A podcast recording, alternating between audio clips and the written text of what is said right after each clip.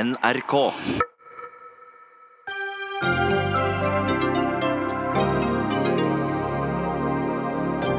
Rundt 100 mennesker drept i Duma i Syria, men var det et kjemisk angrep eller ikke? Tidligere FN-inspektør advarer mot å konkludere for tidlig.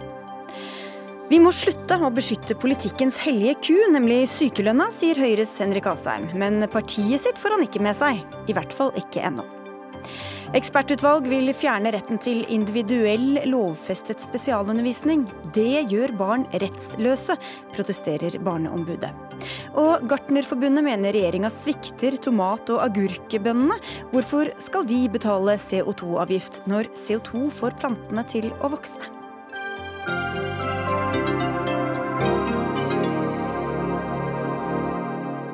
Velkommen til Dagsnytt 18, i dag ved Sigrid Solund. Om tre timer skal FNs sikkerhetsråd ha et ekstraordinært møte for å diskutere lørdagens angrep i byen Duma i Øst-Ghouta i Syria. Opp mot 100 mennesker skal ha mistet livet i det som kan være et kjemisk angrep. Både USA og EU anklager syriske regjeringsstyrker for å stå bak angrepet. Og USAs president Donald Trump har varslet at dyret Assad vil måtte betale en høy pris. Samtidig sier Russland at det ikke finnes tegn til giftangrep i Duma. Åke Selstrøm, du var inspektør for FN i Irak på 1990- og 2000-tallet, og ledet også en gruppe FN-inspektører som undersøkte påstander om bruk av kjemiske våpen i Syria i 2013. Hvordan kan man finne ut om det har vært et kjemisk angrep eller ikke? Ja, det, det beror på hva man skal undersøke. Men I dette fallet taler vi om klorgass og nervgass. Og hva man vil, i første hand vil treffe det i pasienter og se at det finnes mennesker som har blitt forgiftet. Eh, man vill ta prover på dem och se om man hittar giftet i dem. Man vill titta på deras journaler från, som, från man vill kanske också hitta rester av bomber eller bombkratrar och så vidare.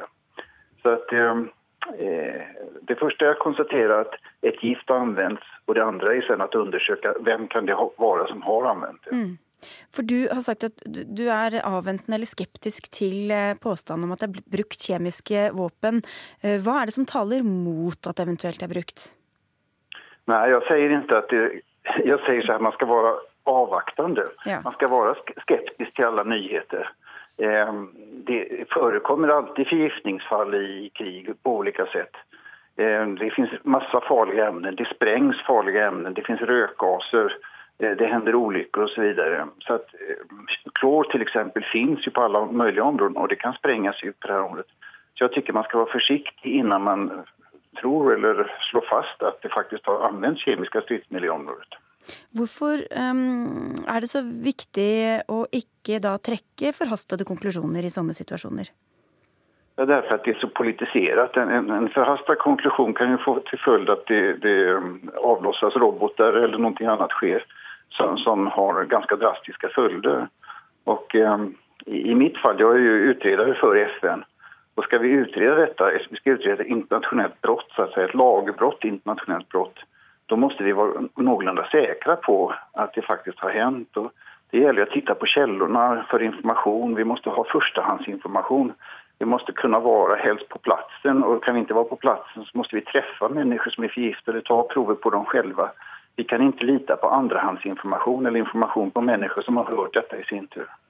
Nå er det sånn at Både USA, EU og Storbritannia også har vel konkludert eh, allerede. Bendik Sørvik, du er forfatter av boka 'Syria den tapte revolusjonen'. Hvem er det som kan stå bak dette angrepet? Ja, altså, det, nå, nå, har vi en, vi har en, i studio her også som skal få svare. Mm.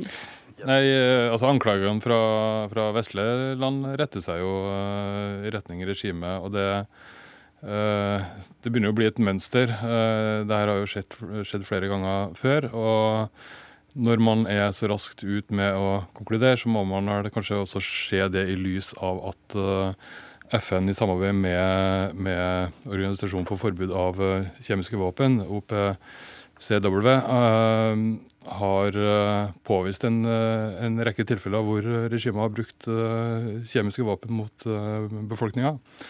Så, så det, det, er noe, noe som ligger, ligger, i bunnen her. Mm, for det, han har jo brukt det tidligere. Ja. ja. Hva, eller, men hvem andre kan stå bak da, enn en president Assad?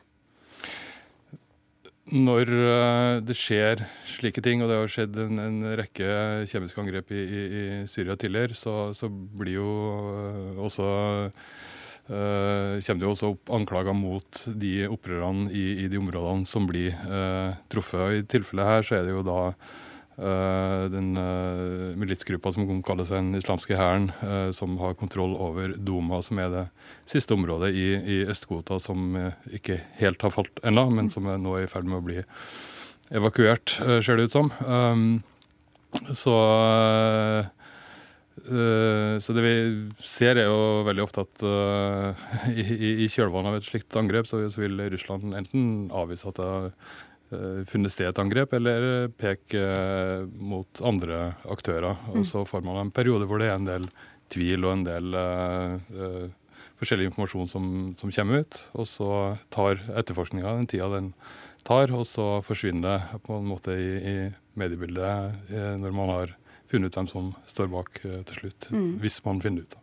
Ja, for Russland, som du er inne på nå, har jo allerede vært ute i dag. Morten Jentoft, vi har med oss deg også, korrespondent i, eh, i Moskva. Og russerne er jo nære allierte av eh, Bashar al-Assad i, i, Syria.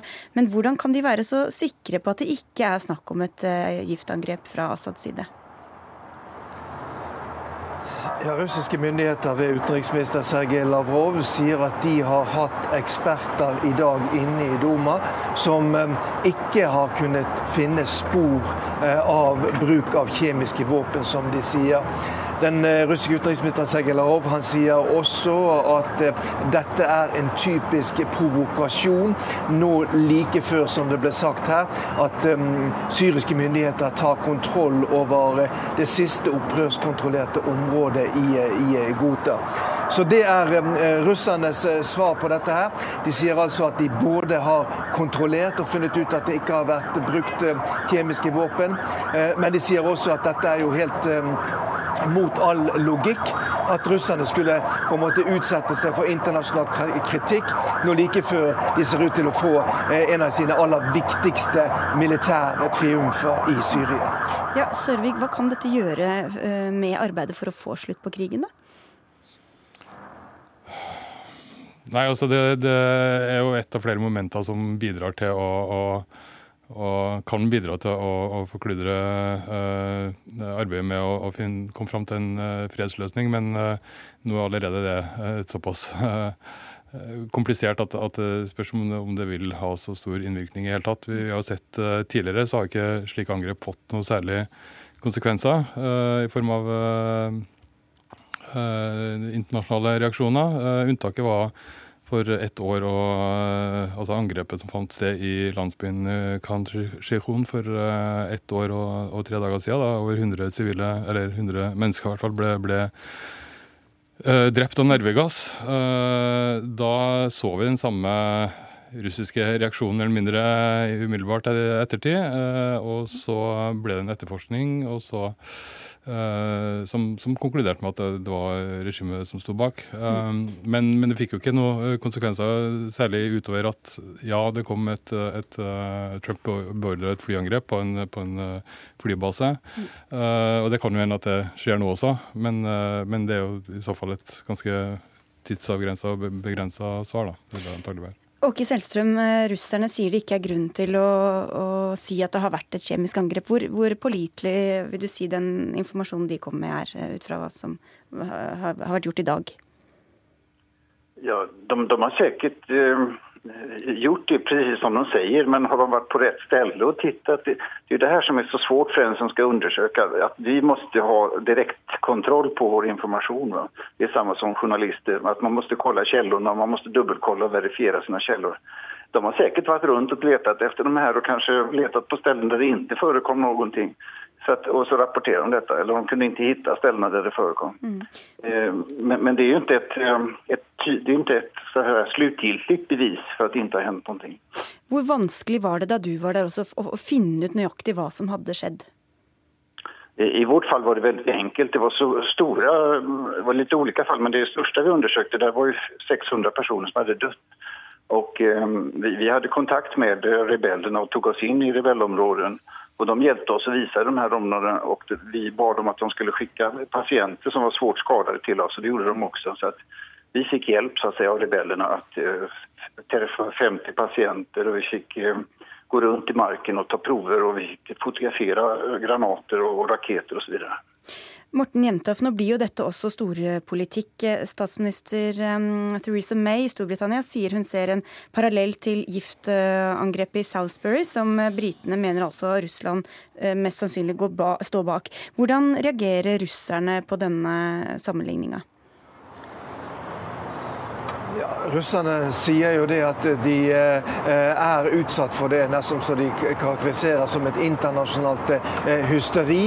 Eh, den russiske presidenten Vladimir Putin han har nå i ettermiddag snakket med den tyske forbundskansleren Angela Merkel og manet til ro, ikke ta overilte beslutninger etter det som nå har skjedd i Syria. Sånn at Her i Russland så mener man at det nå er en form for hysteri, der Russland får får skylden for absolutt alt, før man har konkludert etter eh, grundige undersøkelser.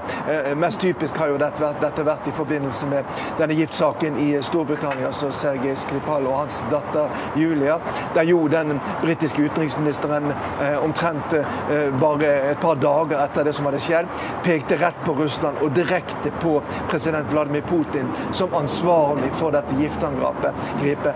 Angrepet, uten at det senere er lagt fram konkrete bevis i eh, denne saken. og Der nå også britiske eh, eksperter peker på at man ikke kan eh, spore direkte da, denne giften da, tilbake til, til Russland, selv om det er en russisk type produsert gift som har vært brukt. Og litt senere i kveld skal altså FNs sikkerhetsråd møtes, får vi se hva som kommer ut av det. Og takk skal dere ha for at dere var med, Morten Jøntøft fra Moskva. Takk til deg, Bendik Sørvig, som altså har skrevet bok om Syria, den tapte revolusjonen. Og til deg, Åke Selstrøm, tidligere FN-inspektør. Dagsnytt 18 alle hverdager klokka 18. På NRK P2 og NRK2.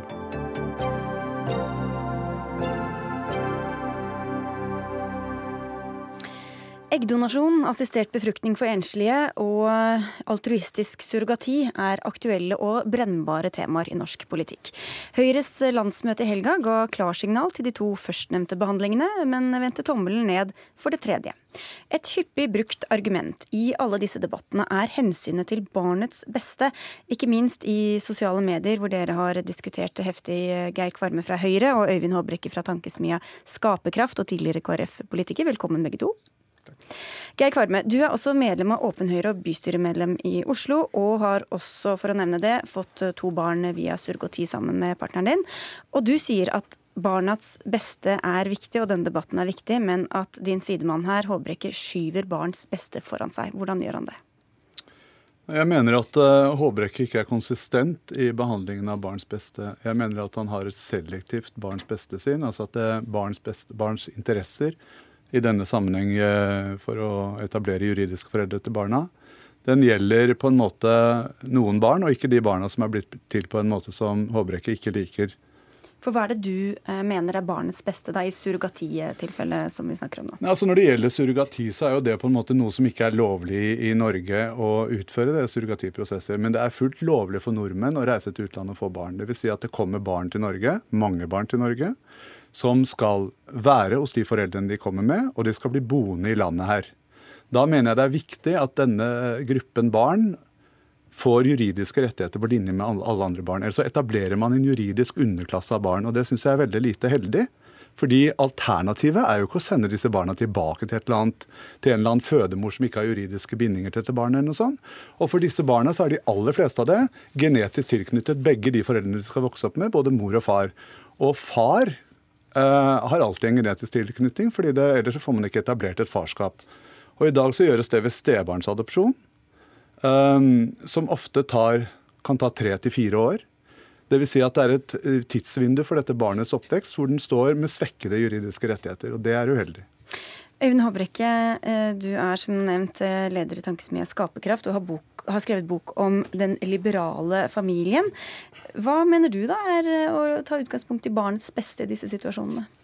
Ja, nå har jeg jo skrevet den boka eh, med det viktigste formålet, å nemlig skape en litt mer helhetlig debatt om barn og foreldreskap. Og Da snakker vi om det rettslige foreldreskapet. Altså, det at unger vokser opp eh, i ulike typer familier. Sånn har det alltid vært, og du kan ha en god oppvekst hos enslig, hos foreldre av samme kjønn eller i en klassisk kjernefamilie. Men nå snakker vi om det rettslige foreldreskapet. Og Hvis jeg da kan bruke 30 sekunder på å sette i den helhetlige sammenhengen som diskusjonen hører hjemme i, så er jo historien for norsk barnelov sånn at vi fra 1915 fikk de Castbergske barnelover som der prinsippene egentlig har vært at den kvinna som føder barnet, er barnets mor, og den mannen da, som har gjort eh, kvinna gravid, han må eh, stå opp og ta ansvaret for det, og bli pappa. Og så har vi hatt en, i det stille hatt en liten ordning med sæddonasjon som, eh, som var et slags unntak fra den praksisen. Og så oppdaga politikerne det at hvis vi disponerer sædceller og disponerer en sædbank, så får plutselig staten en enorm makt til å bestemme hvem som skal bli foreldre. Og Dermed har vi fått en diskusjon om eggdonasjon, vi har fått en diskusjon om surrogati, og der staten kan der spørsmålet har blitt hvem er det staten eh, skal nekte å bli foreldre, og diskusjonen er plutselig helt snudd på hodet, og staten har fått en enorm maktposisjon. Men hva er da barnets beste i denne, i denne situasjonen som Kvarme eh, skisserer? Ja, Det er derfor jeg sier at vi er nødt til å ta denne diskusjonen i en helhetlig ramme. Og i for det konkrete spørsmålet som, eh, som eh, Kvarme drar opp, så er jo svaret at barn født av surrogatmor er akkurat lik alle andre barn og like mye verdt som andre barn. Ja, men det er ikke barn. det vi diskuterer. Jo, jo, det er det vi diskuterer. Har det samme behov for trygghet. Og derfor bør de jo òg behandles på akkurat samme måte som andre barn i samme situasjon. Og fordi vi har... Men, ja, men, prøv å komme til poenget. Altså ja. Disse barna eh, som blir eh, hentet til Norge, eh, er født i et annet land eh, og har da én juridisk forelder, vil jo, vil jo det være. Og, hva, mm. og, Hvordan er det barnets beste da at de i flere år bare har ett, en forelder som har si, rett på barnet? Jo, eh, det er mange familier i, i Norge som lever i den situasjonen at et barn vokser opp i et hjem med én unnskyld, med én juridisk forelder og en steforelder. Og Derfor så behandler jo da eh, norske myndigheter, Bufetat, 200-300 søknader om stebarnsadopsjon hvert år. Og Så har man noen eh, kriterier for hvordan man skal vurdere de eh, sakene, sånn at barns beste og barns trygghet ivaretas. Og det jeg tenker Da at da må vi jo vurdere de sakene på lik linje med andre familier som har én juridisk forelder eller en steforelder. sånn at Hvis det barnet trenger den tryggheten, å få de to omsorgspersonene som sine juridiske foreldre, så må man jo få det. Det, okay, det, det er vi enige om. Eh, det er jo ikke noen barnefaglig vurdering som tilsier at et barn som har muligheten for to foreldre, som til og med vokser opp med disse to personene, ikke skal ha en gunst av å få en juridisk tilknytning. Og det er jo ikke, det er jo ikke for foreldrenes rett til barnet som er viktig her. Det er barnets rett til juridiske omsorgspersoner. Det er det som er perspektivet her. Og eh, på linje med andre barn, sier du. Altså, Det er jo ikke barn som er på linje med andre barn, for de står i en særstilling fordi at den norske stat ikke ønsker å etablere det automatisk, det foreldreskapet, som er det eneste reelle alternativet som foreldreskap til disse barna. Og det er jo det som er problemet. Og den gangen dette ble behandlet i Stortinget under proposisjon L47, så var du blant de eneste som stemte mot å sikre disse barna. Altså viser... at, at en, en, to menn, f.eks. at den ene skal da kunne ta stebarnsavn? Ja, ikke bare to menn. Det var en gruppe barn som var, befant seg i en rettsstilling, disse rettesakene. Og Stortinget var nødt til å vedta en midlertidig proposisjon for å skape et vindu, slik at det kunne altså, etableres en overføring av foreldreskapet. Det var Håbrekke nå, nå, setter du din lit til, til stebarnsadopsjonen, som du da ikke ville ha noe av? Jeg vil jo ha det. du har endret mening der? Nei, eh, jeg står for det samme i dag som jeg har stått for hele tida. Jeg tenker at om et barn er født av surrogatmor og vokser opp i et hjem med en juridisk forelder, eh, så har det samme krav på trygghet som alle andre barn. Ja, og, hvis, og, hvis, en sånn adopsjonssøknad tilsier at uh, dette barnet er i en utrygg stilling, vel, så må man innvilge den adopsjonen. Det er ikke noe mystisk. Men, Men hvis det tar veldig lang tid? Det er vel det som er problemet, da. Det er jo det som er forslaget vårt, at det skal skje mye fortere. Om det er stebarnsadopsjon eller om det finnes en annen overføring av foreldreskapet, det er ikke viktig. Men for barnets situasjon så er det viktig at den skjer umiddelbart, slik at barnet ikke står i en svak ja. rettsstilling i mange år. Men det, det, det, nettopp, det kan du si er et dilemma da, ved, norsk, ved hele den grundige saksbehandlingen vi har for å ivareta norsk, eh, bar, barnets trygghet i Norge. Det at man gjør grundige vurderinger. og det er jo faktisk, Du kan godt si det er svakheten, men det er å styrken til adopsjonsinstituttet. Eh, at vi har grundige vurderinger som sikrer at beslutningen er klok, og at barnets beste ivaretas. Jeg skal nevne et eksempel på hvordan dette behandles i dag. For I dag er det nemlig sånn at over 30% av de dem som søker om stebarnsadopsjon, får avslag. Og I retningslinjene så heter det følgende, det er fra Barne- og likestillingsdepartementet.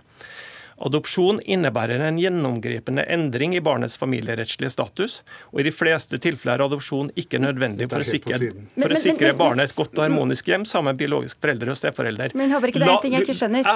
Altså, familie, Bufetat og familiemyndighetene har god kompetanse til å vurdere det. Men er det, og, gjelder det disse, altså Poenget er vel at ja. uh, i disse tilfellene så er det to foreldre som i utgangspunktet går sammen for å få et barn, mens mm. i mange andre tilfeller så er det en som måtte, har barn, og så kommer det en pappa eller mamma eller noen andre inn etter hvert, liksom. Og det fins en annen juridisk forelder. Den har to juridiske. Man skal overføre gjennom stebarnsadopsjon. Dette er barn som blir stående uten to juridiske foreldre fordi den norske stat har bestemt seg for å bruke systemet som beskrankning for å hindre mennesker å, øh, å øh, foreta surrogati. Og det mener jeg er å ikke sette barnets beste i fokus. Men, det er å sette andre hensyn. Men så hvorfor, er det helt, hvorfor, er det da, hvorfor skal man da sidestille de som har to foreldre fra utgangspunktet, og de som ikke har det? Nei, altså fordi at uh, Vi har en barne, barne- og familierett både nasjonalt og internasjonalt som tilsier at du skal gjøre svært grundige vurderinger før du overfører og staten tildeler et foreldreskap til et barn for å ivareta trygghet. Og Kvarme ønsker jo en spesialordning her for barn født inn i surrogatfamilier, som gjør at man på en måte kommer unna den grundige vurderinga som, som, eh, myndighetene i dag gjør gjennom Adopsjonsinstituttet. Og det Forslaget ble faktisk fremma på Høyre sitt landsmøte, og Høyre sitt landsmøte stemte jo ned de, det forslaget ditt. De stemte ned det forslaget ditt fordi at de har tillit til at vi har en god barne, eh, barnerettslige ordninger i Norge. Vi har Bufetat som er god og flink flink til å gjennomføre sånne saksbehandlinger for er en åpenbar misforståelse. barnets eh, Landsmøtet behandlet ikke vårt forslag på det. De for, det, det landsmøtet behandlet Nei, det eh, landsmøtet behandlet nå, var om man skulle åpne for surrogati i Norge. Og det respekterer jeg at landsmøtet ikke vedtok. Men det har ikke vært noen behandling av om man skal, eh, skal Det står i sakspapirene. Ja, men det har ikke vært behandlet. Det var ikke for landsmøtet. Nei, det var, og det ble ikke vedtatt, og det ble ikke vedtatt på Høyre sitt landsmøte. Men faktum er, det, er ikke, det er ikke lov, altså Når staten ikke ønsker surrogati, da, eh, Kvarme, eh, hvorfor skal ikke staten for å si det sånn, sikre disse barna på annen måte for å, være nøye, altså for å, for å ta vare på dem hvis, når man mener at det ikke skal være lov jo, til å ha surrogati? Poenget er jo at staten sikrer ikke disse barna på en annen måte. De har, altså det har vært uttalt fra, eh, fra, statlig hold og også fra interesseorganisasjoner at man ønsker å vanskeliggjøre etableringen av foreldreskap til barn født ved surrogati, nemlig for å drive beskrankning mot surrogati. Og det er det Håbrekke gjør nå, mener du? Ja, og, men faktum er at disse barna står på norske eh, terskler. De vokser opp i norske hjem, og det er ingen grunn, så lenge man forfekter barnets beste, til å ikke sørge for at disse barna får disse juridiske tilknytningspersonene sine så fort som mulig. Og det er ikke tre-fire år.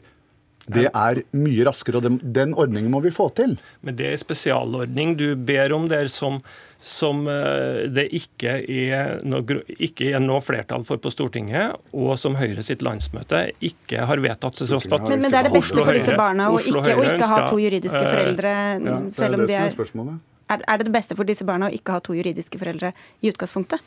De har jo to juridiske foreldre, fordi ifølge norsk lov så er da den mora som er født, kvinna som har født barnet, er barnets mor. det er ikke barnets beste å ha en mor som har en rettsstilling som ikke er mor i det landet hun oppholder seg, Nei. og i den jurisdiksjonen som barnet er født i. Det har jo ikke en, en re, reell juridisk person. Det er noe norsk lov bestemmer seg for. Jo, du har en mor. Barnet har ikke den moren som har født. Jeg er opptatt av at Det er noe å forholde seg til virkeligheten her når ja, man diskuterer det. Hva er alternativet? Er, det, alternativet? alternativet er vel ikke å sende dette barnet, hvis, hvis pappaen dør, da, f.eks. i Norge, og sende det barnet tilbake til USA, f.eks. eller India, eller hvor det er født? Det vil jeg tro er en veldig dårlig løsning. Ja, så, jeg, så hva er alternativet da? Derfor har jeg tillit til at norske myndigheter behandler de sakene, søknadene om stebarnsadopsjon, for alle unger som har én juridisk forelder, på akkurat samme måte, med samme fokus på barns beste, barns trygghet, og innvilge de søknadene. og og ikke lage noen snarveier, sånn at vi hopper over det grundige apparatet vi har bygd opp for å ivareta barns rettigheter, internasjonale konvensjoner, barns rett til å kjenne sitt opphav og alle de hensynene som skal til for å ivareta barns beste. Det er derfor vi har, det er derfor vi har barneretten, det er derfor vi har adopsjonsloven, for å ivareta barn alle barns rettigheter på akkurat samme måte. Man er født av surrogat, man er født av surrogat. Regjeringa og Stortinget har avvist det. Vi skal ta vare på den barneretten. Men det er fagfolk som har vurdert dette her og syns det er en god løsning. bare så det er sagt. Nå får jeg veldig strenge beskjeder her. Ja. jeg tror vi må fortsette. holdt på en evighet. dere får fortsette etterpå på nettet. Takk skal dere ha begge to, Øyvind Håbrekke og Geir Kvarme, for at dere kom til Dagsnytt 18.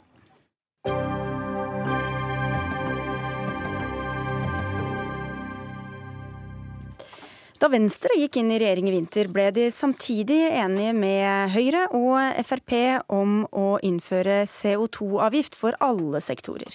Det betyr mer inntekter til staten, men også, muligens i hvert fall, dyrere norske tomater og agurker. Fram til nå har nemlig drivhusnæringa hatt fritak fra avgiften, og gartnere satte sin lit til Høyres landsmøte, der et av forslagene var å forlenge fritaket. Sånn gikk det ikke. Og i dagens Nasjonen protesterer du høylytt. Eh, Katrine Rød Medberg, du er generalsekretær i Norsk Gartnerforbund. Hva får denne avgiften å si for bransjen deres?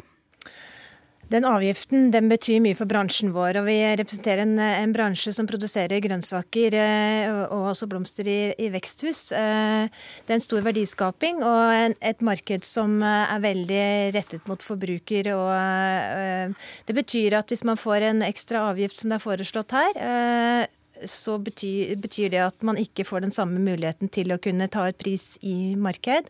Um, altså du kan ikke sette opp prisene? Vi kan ikke sette opp prisene. Vi Hvorfor er, ikke det? Vi er konkurranseutsatt. Eh, det importeres mye eh, grønnsaker til Norge. Eh, og det, er, det, betyr at vi ikke kan justere prisen opp selv om man får høyere kostnader i produksjonen. Og så kaller dere Høyre uforutsigbart? Ja, vi gjør det. Vi synes at dette her gir noen signaler som, som ikke er i tråd med næringsutvikling i Norge.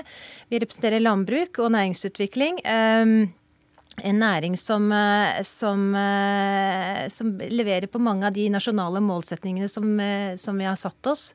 Økt matproduksjon. Vi skal spise mer frukt og grønt. Vi har en landbrukspolitikk som sier at vi skal ha sysselsetting og produksjoner rundt omkring i, i landet. Eh, og dette her eh, strider da mot de intensjonene som, eh, som vi er blitt enige om felles i, i, Norge. Da skal vi ut til deg, Ingunn Foss. Du sitter i næringskomiteen på Stortinget for Høyre. Og dere hadde jo da muligheten på landsmøtet til å fortsatt gi denne bransjen fritak fra CO2-avgiften. Hvorfor gjorde dere ikke det?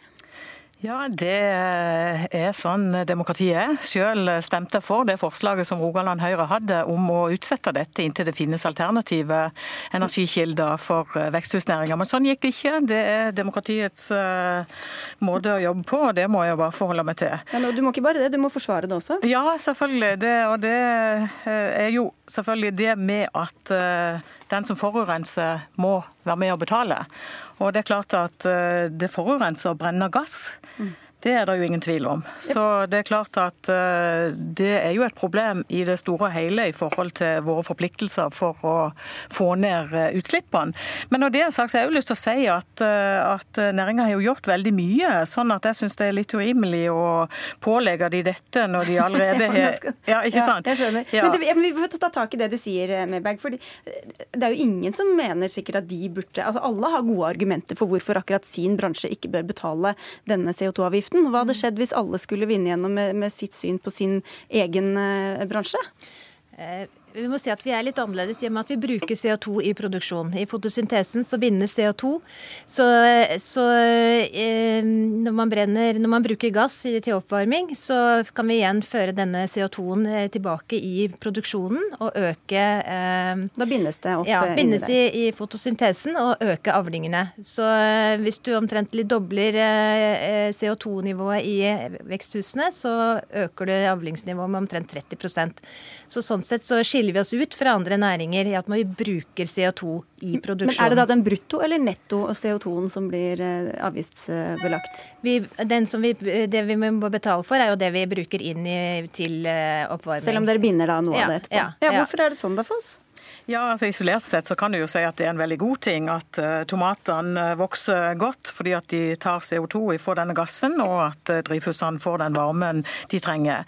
Men hvis du sammenligner med å ikke brenne denne gassen, så er det klart det totale regnestykket for CO2-utslipp blir jo da mer positivt enn det blir ja, Hvorfor nå. kan man ikke den, legge det til grunn, da? Ja, nei, altså Her legger de en flat sats og, og gjør det generelt for alle som forurenser. Ikke de, men dere. Ja, selvfølgelig. Ja, selvfølgelig. Det er jo absolutt en del av dette.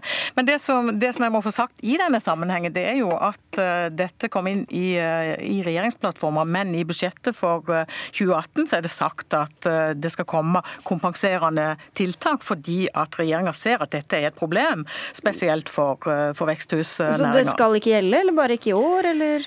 Det kom kompenserende tillegg i forhold i, nå til det som er sagt i budsjettet for 2018, er at kompenserende tiltak skal komme i forbindelse med jordbruksoppgjøret nå i vår. Så, det, Så en, det... midlertidig muligens eh, Eh, ja, ordninger i hvert fall som gjør at ikke utslagene for veksthusnæringa blir så dramatiske at det f.eks. Eh, blir karbonlekkasje og at eh, produksjonen blir nedlagt og flytter ut. Men, men, ok, så det vet vi, Kanskje det fortsetter, kanskje ikke. Men, men for å ta det litt mer prinsipielle, hvorfor skal vi produsere mat i Norge som overhodet som trenger så mye oppvarming, og som er så lite tilpassa vårt klima, at det gir sånne, sånne CO2-utslipp som det vi ser her, f.eks. For, for tomater, da? Ja. ja, Det spør jeg Foss. Ja, eh... Nei, unnskyld, jeg mente ikke det. Jeg mente Medberg. det er dere som står for dette. Ja.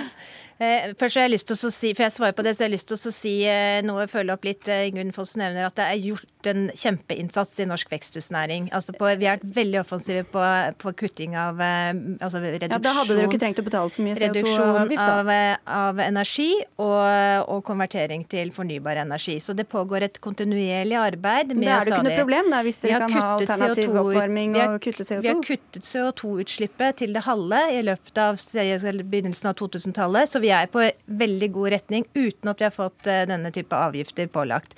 Det har vi gjort med egen innsats og med, etter eget ønske.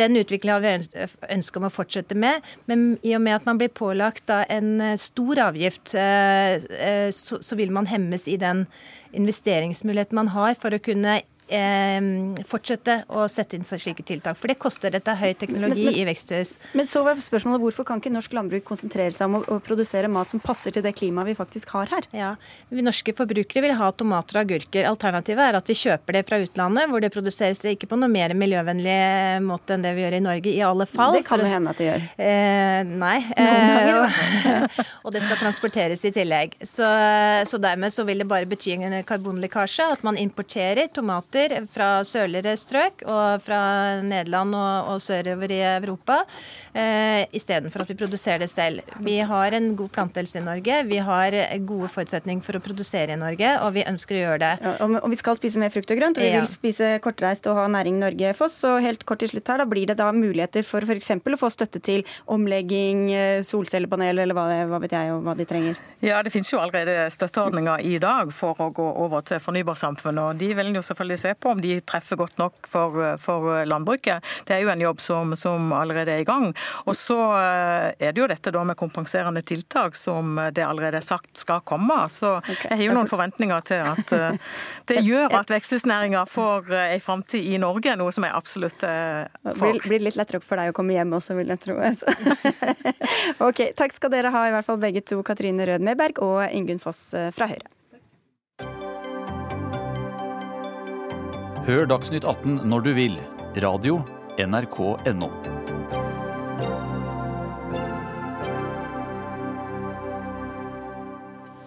For da er det på tide å gå løs på det som kalles politikkens hellige ku, nemlig sykelønnsordninga. Det sier i hvert fall Høyres finanspolitiske talsperson Henrik Asheim til Aftenposten i helga, og går med det imot både sjefen og flertallet i partiet. Dagens sykelønnsordning gir arbeidstakere full lønn i opptil ett år. Under Høyres landsmøte i helga, som vel allerede er nevnt åtte ganger i sendinga, ble det bestemt at ordninga skal stå urørt. Og Nå tar jeg alle forbeholdene for deg, Henrik Asheim, så du skal få slippe. Du er altså stortingsrepresentant og finanspolitisk talsperson for Høyre, men snakker her på egne vegne. Og du sier at du bare vil ta debatten. Du har ikke konkludert, men at vi må ta grep eh, på et eller annet tidspunkt for å få balanse i regnskapet på lang sikt. Og for å da gå ned i det faktiske materie, hvor i sykelønnsordninga tenker du at det kan være hensiktsmessig å stramme inn? Nei, det tenker jeg, altså det kan være flere måter å gjøre det på. Men jeg mener at det kan være rimelig å si at man har en form for egenandel når man er borte fra jobb. altså F.eks. at man sier at du får ikke 100% lønn når du er syk, men 80% f.eks. Og det handler jo om at vi er eh, et veldig, kanskje et av verdens friskeste folk. Vi lever lenge, vi har god folkehelse, men vi har også verdens høyeste sykefravær. Og vi er, eh, har det landet i verden antagelig med mest raus sykelønnsordning. Og jeg tror disse tingene henger ganske tett sammen. Og da synes jeg det er, altså Nå står vi i en situasjon hvor ikke i morgen, men de neste årene nå, så kommer vi til å ha en situasjon i norsk økonomi som gjør at vi ikke har like stort handlingsrom, store nye milliarder inn på budsjettene. Vi må rett og slett også omprioritere på de pengene vi bruker. Og da mener jeg at dette er noe som vi bør diskutere om eh, er en for raus ordning, eller om vi i hvert fall skal se på andre måter å finansiere deler av sykelønna på. Er det bærekraftig å fortsette som i dag? Nei, altså Det er jo bærekraftig hvis du ikke ønsker å prioritere noen nye satsinger. Det som nasjonalbudsjettet selv sier, er at hvis vi ikke omprioriterer, så har vi et sted mellom 4 og 5 milliarder i året å bruke på nye satsinger. Og hvis du hører på oss politikere i alle debatter, så høres ikke det ut som det er nok. Eh, og Det betyr at vi også må diskutere de pengene vi bruker innenfor de 1300 milliardene vi har i statsbudsjett hvert år, og ikke bare foreslå nye utgiftsøkninger til enhver tid. Da sitter vel dere og noterer flittig her, Rigmor Aasrud fra Arbeiderpartiet, finanspolitisk talsperson, for å ha skyts til neste valgkamp, vil jeg tro? Mhm. Ja, Vi er jo enig i det Torbjørn Røe Isaksen fra Høyre har sagt til ABC Nyheter i dag. Han har sagt at kutt i sykelønn skaper forskjeller. Og For oss er det en viktig verdi at vi har et samfunn med små forskjeller. Og det å begynne å kutte i sykelønn, det vil bidra til å øke forskjellene mellom folk. For vi vet jo at eh, noen vil ikke behøve å ta det kuttet. Kunne ha avtaler som gjør at du slipper å kutte. Og vi ser jo at Høyre har eh, bidratt eh, med å la de som har mest, få enda litt mer eh, gjennom å kutte skattene lenge. Og nå får vi jo på en måte prisen på det. Vi lar skattedebatten ligge. Men hvis, hvorfor skal vi ikke i hvert fall diskutere en ordning som er så god som den er, når vi har verdens høyeste sykefravær, samtidig som vi har verdens høyeste levestandard og egentlig er generelt veldig friske? Jo, for Vi mener at det er en viktig del av sikkerhetsnettet som folk har. Det å ha trygge, trygge arbeidstakere mener vi er viktig. Og så er det riktig at vi har et for høyt sykefravær i Norge, og det bør vi jobbe med å få ned. Men det er jo også noen grunner til at vi er der. Vi har bl.a. verdens høyeste yrkesdeltakelse, eller i hvert fall en av verdens høyeste yrkesdeltakelse for kvinner. Eh, I andre land der man ikke har så høy yrkesdeltakelse for kvinner, vil du f.eks. unngå å ha sykemeldinger som er knytta til svangerskap. Så det er noen grunner til at vi er der, men det betyr ikke at vi ikke skal jobbe med å få ned sykefraværet. Og vi må intensivere det arbeidet gjennom bl.a. Eh, de avtalene som arbeidstaker- og arbeidsgiverorganisasjoner har. Det mener vi òg, men vi mener løsningen ikke er å kutte i sykepenger. Det okay. pleier Høyre å foreslå med jevne mellomrom. Det er litt vanskelig å vite hva Høyre egentlig mener om sykefravær ja, men, og sykelønn. Ja, Vi bør ta tak i det, Asheim. Erna Solberg sier på Høyres egen nettside at i et bærekraftig velferdssamfunn har vi vi inntekter til å dekke utgiftene. Det viktigste er likevel ikke regnskapet, men hva slags samfunn Norge skal være. Mm. Nå er det lenge til neste valg, men, så det er kanskje ikke så risikabelt at du tar til orde for noe annet. Men hvordan kan Høyre kommunisere disse to tingene eh, på én og samme tid? Nei, altså, dette Erna Solberg lovet det samme som jeg gjorde i valgkampen. og det er at I denne stortingsperioden her så er det ikke aktuelt å redusere noe f.eks. i sykelønnsordningen. Jeg stemte selv mot å gjøre det på landsmøtet nå. for Det ville vært helt feil hvis landets største regjeringsparti gjorde det mens man sitter med partene og forhandler. Men jeg sier at vi skal frem mot 2021 lage et helt nytt stortingsvalgsprogram i en helt ny økonomisk tid. Samtidig som oljeinntektene går ned, så øker også pensjonsutgiftene, for vi blir flere eldre. Det er jo for så vidt positivt, men det betyr at det er enda mindre handlingsrom. Og da må vi også diskutere det. Og jeg sier at Hvis vi hadde begynt helt på nytt, hvis vi laget et helt nytt trygdesystem nå, så tror ikke jeg at ei heller Rigmor Aasrud ville sagt. At det logiske er at folk i full jobb som blir syke noen dager, de skal få 100% lønn. Blir de syke mer enn et år, så skal de ned på 66% lønn. Og hvis de blir arbeidsledige, mister jobben, så skal de ned på 62,4% lønn. Altså Det er noe rart med hele systemet som gjør at den aller mest lukrative det er for de som er i full jobb og som blir syke en kortere periode. Da får du 100% istedenfor f.eks. 80% som kan være et insentiv for at flere kanskje jobber. Hvor er logikken der da, Aasrud? Ja, Det er logikk i det, for hvis ikke så mister du jo inntektene dine. Og, og det mener vi er feil. Uh, vi tror ikke det er noe uh, riktig at du skal kutte f.eks. sykelønna til 80% de første dagene. Det vil kanskje medføre at mange går på jobb som ikke bør gå på jobb. Uh, bidrar til at du drar med deg smitte over på andre ansatte. Så det er mange grunner til at vi har den sykelønnsordningen som vi har i dag. men, men mener du at det ikke er noen sammenheng mellom sykefravær og sykelønnsordning? Ja, det skal ikke se bort fra at det kan være noen sammenhenger, men jeg tror at den den vesentlige sammenhengen eh, som vi må ha mer fokus på i tida framover, det er jo å sørge for at vi har et arbeidsliv som gjør at folk ikke er så mye sjukmeldte. Og Da må vi se på virkemidler for å få til det. og Da tror ikke vi det er riktig å kutte i sykepenger, for det vil bidra til å øke forskjellene. Og det vil, det vil, skje enten du gjør det nå, som Henrik Asheim har tatt til orde for, eller i 2021. Om vi venter til 2021, så vil jo uh, det bidra til at vi får økte forskjeller mellom folk. For jeg tror Henrik Asheim også er enig om at det vil være ganske mange i næringslivet som kommer til å forhandle seg bort fra en ordning der du har kutt i sykepenga. Det tror jeg vi kommer til å se, og det tror jeg ikke det er vanskelig å være enige om. Så dette her er jo, det viser jo at det er utfordringer med å få regnestykket til å gå opp når man gjør såpass store kutt på inntektssida som det Høyre har gjort i regjering. Det var vel en skattedebatt som ikke ja, nei, nei, Ja, men, men, men poenget er at når danskene har et sykefravær som er halvparten av vårt, når Nederland har det samme, og noe av grunnen til at de reduserte noe på ytelsene, gjorde at sykefraværet gikk dramatisk ned. Så Men i det så bare... ligger det da en, en, tanke om at noen sluntrer unna, utnytter og misbruker sykelønnsordninga? Ja, så det er jo all grunn til å tro at når du får 100% kompensasjon fra første dag, så er det litt lettere å sykmelde seg.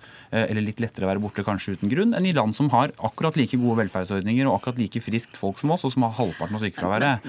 Og det er på en måte, ikke sant, poeng, det er grunnen til at jeg kaller det for en hellig ku, for av en eller annen grunn så er det liksom ikke mulig å se for seg at insentivet virker på akkurat dette området, selv om vi tror det fungerer på alle andre områder. Og det er veldig spesielt. Som sagt, 66 hvis du er syk i mer enn et år, det syns alle er men, helt men, logisk. Men ordningen vil jo gå utover alle, ikke bare de som eventuelt misbruker den. Ja, og da er spørsmålet også om det, når du er i et arbeidsforhold, skal ha en viss egenandel når du ikke møter opp på jobb, er hjemme istedenfor. Og du bruker også mindre pengepersoner når du er hjemme. istedenfor å vi, jobb. vi har to til som skal også få ordet her. Simen Markussen, du er seniorforsker ved Frisch-senteret og har forska på sykelønn. Um, er du enig i at den bør endres? Jeg er enig i at syke, sykelønnsordningen bør endres. Men jeg skulle ønske at vi kunne klare å snakke om endringer i sykelønnsordningen uten kun å diskutere kompensasjonsgrad. For at sånn som det er nå, så, så Jeg mener i prinsippet at de burde også redusere kompensasjonsgraden, men, men, men til tross for det så er det, det er en god del man kan gjøre selv om man ikke endrer kompensasjonsgraden. Og det dreier seg særlig om to ting. Det ene er at den måten arbeidsgiverbetalingen av sykelønnsordningen innretta på, skaper en veldig uheldig sykepengefelle. På den måten at arbeidsgiver i dag betaler 100% de første 16 dagene, og så betaler de null etterpå. Og det til tross for at det vi ønsker, er jo at arbeidsgivere skal være flinke til å inkludere langtidssyke i jobb. Men sånn som pengesystemet er lagt opp, så er det en risiko for arbeidsgiver å ta langtidssyke tilbake. For da kan de få en ny 16-dagersperiode. I stedet for at de så, så, på mange, så mange bedre måter, å ha dem bare utenfor jobb enn Systemet belønner på sett og vis de arbeidsgivere som gjør det vi ikke ønsker at de skal gjøre. Og det, og det er dumt. Så Vi kan legge om dette her. og det, Vi har regna en del på å beregne hvordan vi kan legge om dette systemet. og mulig, Vi mener at det er mulig å legge om sykelønnsordningen på en smartere måte. Slik at staten kan spare kanskje 10 Og, og arbeidsgivere kan også spare. Ved å redusere den 16-dagersperioden til 7 ved å la arbeidsgivere betale 20 av alle sykepengekostnader etter det. Og ved å gi ekstra insentiver til gradert sykemelding, som vi fra forskningen vet at virker, gjør at fraværet blir kortere, og at folk går mindre på trygd seinere. Da kan vi gi arbeidsgivere insentiver til det, og vi kan ha arbeidstakere insentiver til gradering. Da skal vi høre med da får vi en smartere ordning. noen av de som driver med, er arbeidsgivere. Vibeke Hammer Madsen, du er administrerende direktør i hovedorganisasjonen Virke. Eh, en omlegging av denne typen for eller mot?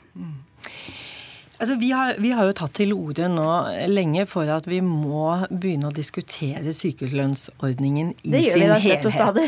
Eh, ja, nei, det har jo vært veldig vanskelig å gjøre det med IA-avtalen. Og vi er en del av IA-avtalen. og jeg har vært altså inkluderende da. Ja, inkluderende. Eh, og jeg har jo vært med siden 2002, og vi må erkjenne at ja, enkelte har nådd målene, altså enkelte sektorer, bransjer, men som nasjonalt så har vi jo ikke det. Og Norges, altså beste land å bo i, har Norges høyeste sykefravær. 32 millioner dagsverk per år forsvinner i, syke, eh, i, sykdom. Og det er klart at eh, Som arbeidsgiver så ønsker vi å ha eh, si, de arbeidstimene tilbake i jobb.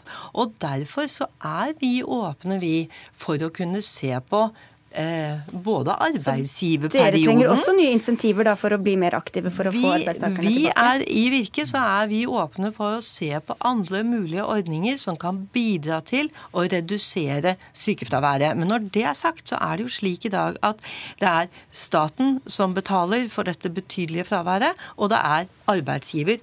Altså, dette er faktisk nesten likt fordelt.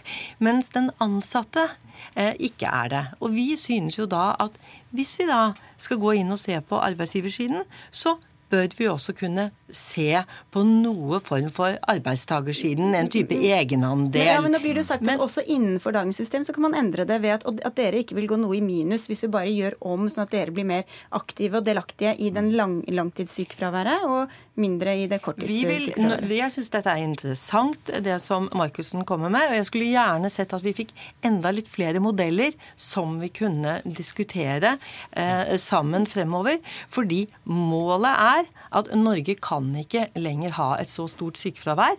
Og den enkelte bedrift er jo heller ikke tjent med det. Men dette er et mer anliggende for Norge. Men Markusen, et av argumentene er vel også at vi har en høyere sysselsettingsgrad, og vi vil ha et inkluderende arbeidsliv, sånn at også de som ikke er så produktive, skal være en del av det, men som kanskje oftere går ut i sykemelding. Hvordan, hva vet vi om hvordan disse eh, mekanismene fungerer i virkeligheten? Jo da, vi, vi vet en del om dette her. Uh, og, og, det er nok sånn at Norges sykefravær i noen grad kan forklares med det, men på ingen måte alt.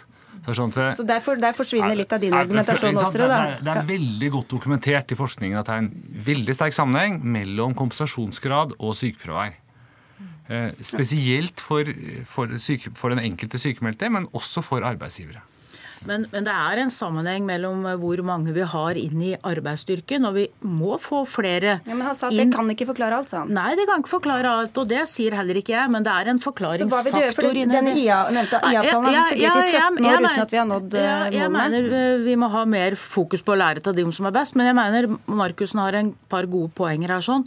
Bl.a. det å bruke mer graderte sykemeldinger. Det er jeg helt sikker på virker. Jeg er også helt sikker på at hvis vi klarer å komme tidligere på de som blir sjukmeldt, følger følge dem opp tettere, så vil det også virke. Og hvis partene Er det ikke litt det vi har forsøkt i mange år nå, da? Jo, men vi er allikevel ikke Men det er noe på noe Vi har jo lykkes i noen sammenhenger. Mm. Og da kan vi ikke bare si at det ikke går, for vi må gjøre mer til det som virker. Ok. Ja, begge to. Men, men, altså, ikke på en gang. Uh, vi er veldig opptatt av å, å, få folk inn i jobben, og vi tror at 100% fravær Det var vel Jørgen Skavlan som var ute nå som lege og sa det, at det bør jo nesten være et unntak at man har 100% sykefravær eller sykemelding. Vi bør ha en gradert. Og dette har vi jo gjort flere ting, og det sier meg Og jeg er enig med Rigmor at vi må ha flere insentiver. Et av dem er faktisk å få flere av legene med på lag. Men de kronisk syke, f.eks. Altså de som har, er helt støtt og stadig borte fra det, er jo, det, det går jo utover noen. Ja, og det er klart at med kronisk syke, med langtidssyke, alvorlige sak, uh, syke, så må vi jo kunne se på skjermingsordninger. Dette har vi jo erfaringer fra i andre sammenheng. Så jeg syns altså med skjermingsordninger, med graderinger, men med også å kunne se på helheten, både arbeidsgiver og en, en egenandel for arbeidstaker, så har jeg tro på at sykefraværet vårt har muligheter til å bli redusert betydelig. Ja, altså, jeg er helt enig. Vi har, vi har, lykkes delvis med graderinger og en god del ting, men jeg tror skal vi lykkes mer, og enda bedre, så må vi rigge systemet sånn at de som gjør det vi ønsker at de skal gjøre, de arbeidsgiverne som tar inn tillater graderinger og bruker det mye, De som er flinke til å få langtidssykmeldt tilbake, de må belønnes for det. Mm. Eh, i, I dag så er det sånn at vi tar hele regninga for de som ikke gjør det de skal. Og så overfører vi kostnaden nærmest til de som gjør det de skal. Det er helt feil. Så har, jeg må nevne at eh, faktisk NO har da utført en faktasjekk og sagt at vi har faktisk verdens høyeste mm. fravær. Og nederst eh, ligger land som Romania, Tyrkia og Bulgaria. Så kan du reise dit, Henrik Asheim, med en studietur og se hva de driver med. Nei, nei, nei. Og for all del, altså, vi skal glede oss enormt over det velferdssamfunnet vi har, og ikke minst at vi har parter som jobber sammen om dette. Men faktum er bare, ikke sant, fordi når du har arrangert debatt om dette før, så er det liksom, det er Civita, en forsker og en ungdomspolitiker nå må vi også i norsk politikk diskutere dette på en skikkelig måte. Også i valgår, når Høyre skal gå til valg om det. Ja, altså det er det jeg sier at Hvis vi nå bruker litt tid på å diskutere det skikkelig, istedenfor at vi om 10-15 år må halvere sykelønna fordi vi ikke har noe valg. Norge kan jo ikke ha Veldig, veldig, veldig kort også, helt ja, Jeg er veldig bekymra for det som eh, Asheim nå sier. For det, det, er jo ikke bare på sykepenger man ønsker å innføre egenandeler. I samme saken i Aftenposten så drar jo også, også ja. Asheim opp andre egenandeler som skal økes. Da har vi mer enn nok å diskutere etter hvert. Da. Vi rekker ikke å ta en, starte på en ny nå. Dere, Vi må avslutte nå. Tusen takk skal dere ha. Da får vi lov å møtes igjen, da i hvert fall eh, Henrik Asheim og Simen Markussen, Vibeke Hammer Madsen og Rigmor Aasrud.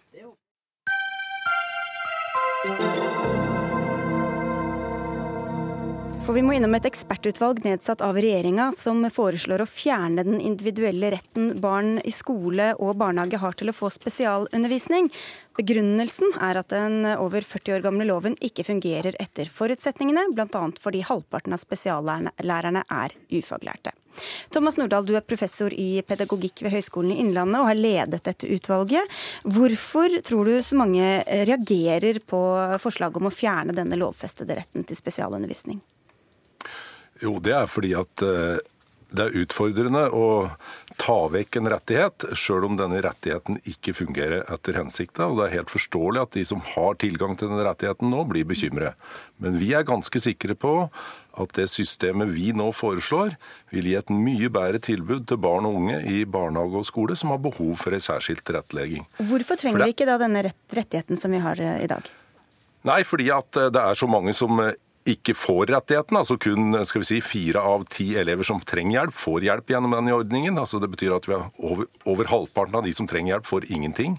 Eh, de som får hjelp, får i hovedsak dårlig hjelp fordi at vi bruker fagfolk til å vurdere om du har rett til hjelp, mens de som gjennomfører hjelpa, er ofte assistenter uten pedagogisk utdannelse. Og vi ser at læringsresultater, utvikling hos denne gruppa av barn og unge, er sterkt bekymringsfull, og at dette her går utover den, den framtida de får, både i forhold til tilgang til arbeidsmarkedet og senere samfunnsdeltakelse. Så det er mange forhold rundt dette her som vi må endre. Barneombud Anne Limbo, dere har vel også en rapport om spesialundervisninga som, som slakter hele ordninga nærmest, eller i hvert fall viser viser at den ikke fungerer. Hvorfor er dere da så skeptiske til å fjerne denne rettigheten som det dere er? Vi ga ut en rapport i 2017 om barn som trenger spesialundervisning, som viser at halvparten av barn ikke får den spesialundervisningen de faktisk har krav på. Altfor mange får f.eks.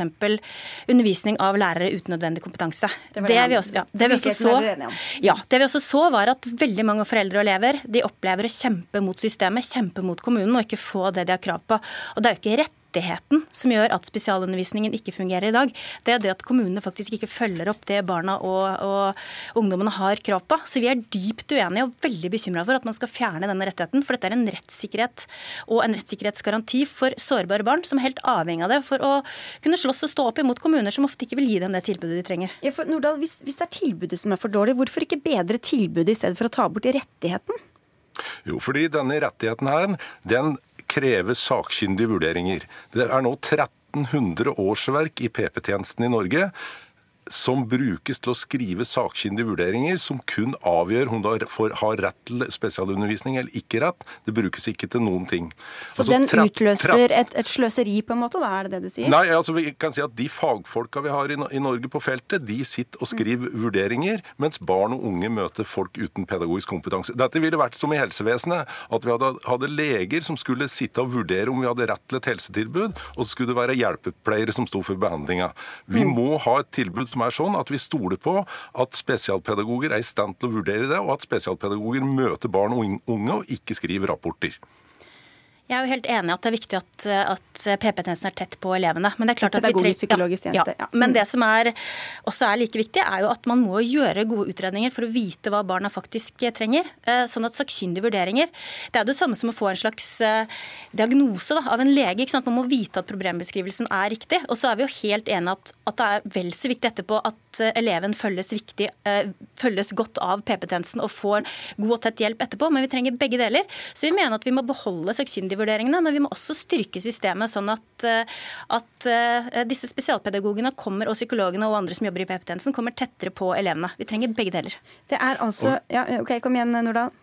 Altså, vi har jo nå lagt, prøvd å lagt et system der vi sier at vi skal ha en pedagogisk veiledningstjeneste som skal være ute i skoler og ute i barnehager, der de ansatte som er i PP-tjenesten i dag, skal være der barn og unge er, foreta vurderinger og utredninger av barn og unge som et grunnlag for en god pedagogisk praksis.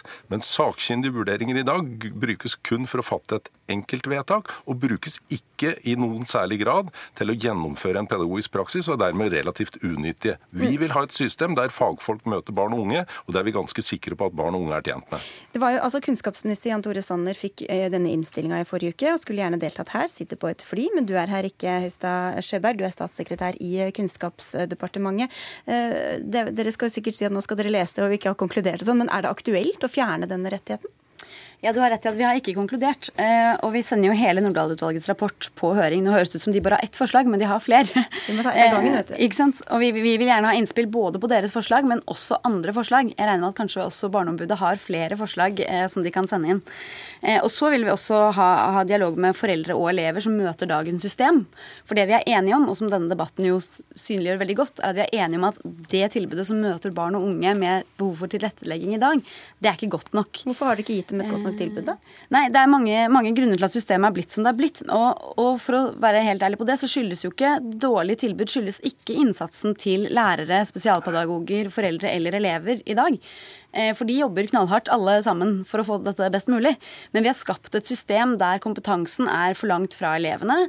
Elevene får få hjelp for seint i undervisningsløpet. Det er, mange struktur, altså det er en systemsvikt. Så hva kunne de gjort, eh, politikerne kunne gjort eh, Anne Limbo, innen, altså uten å ta bort denne rettigheten, mener du da? Vi har kommet med noen helt konkrete råd. Det første som bør gjøres, er å endre loven, sånn at alle barn som trenger det, får undervisning av lærere med nødvendig kompetanse. Vi kan ikke ha det sånn Hvor er de lærerne, da?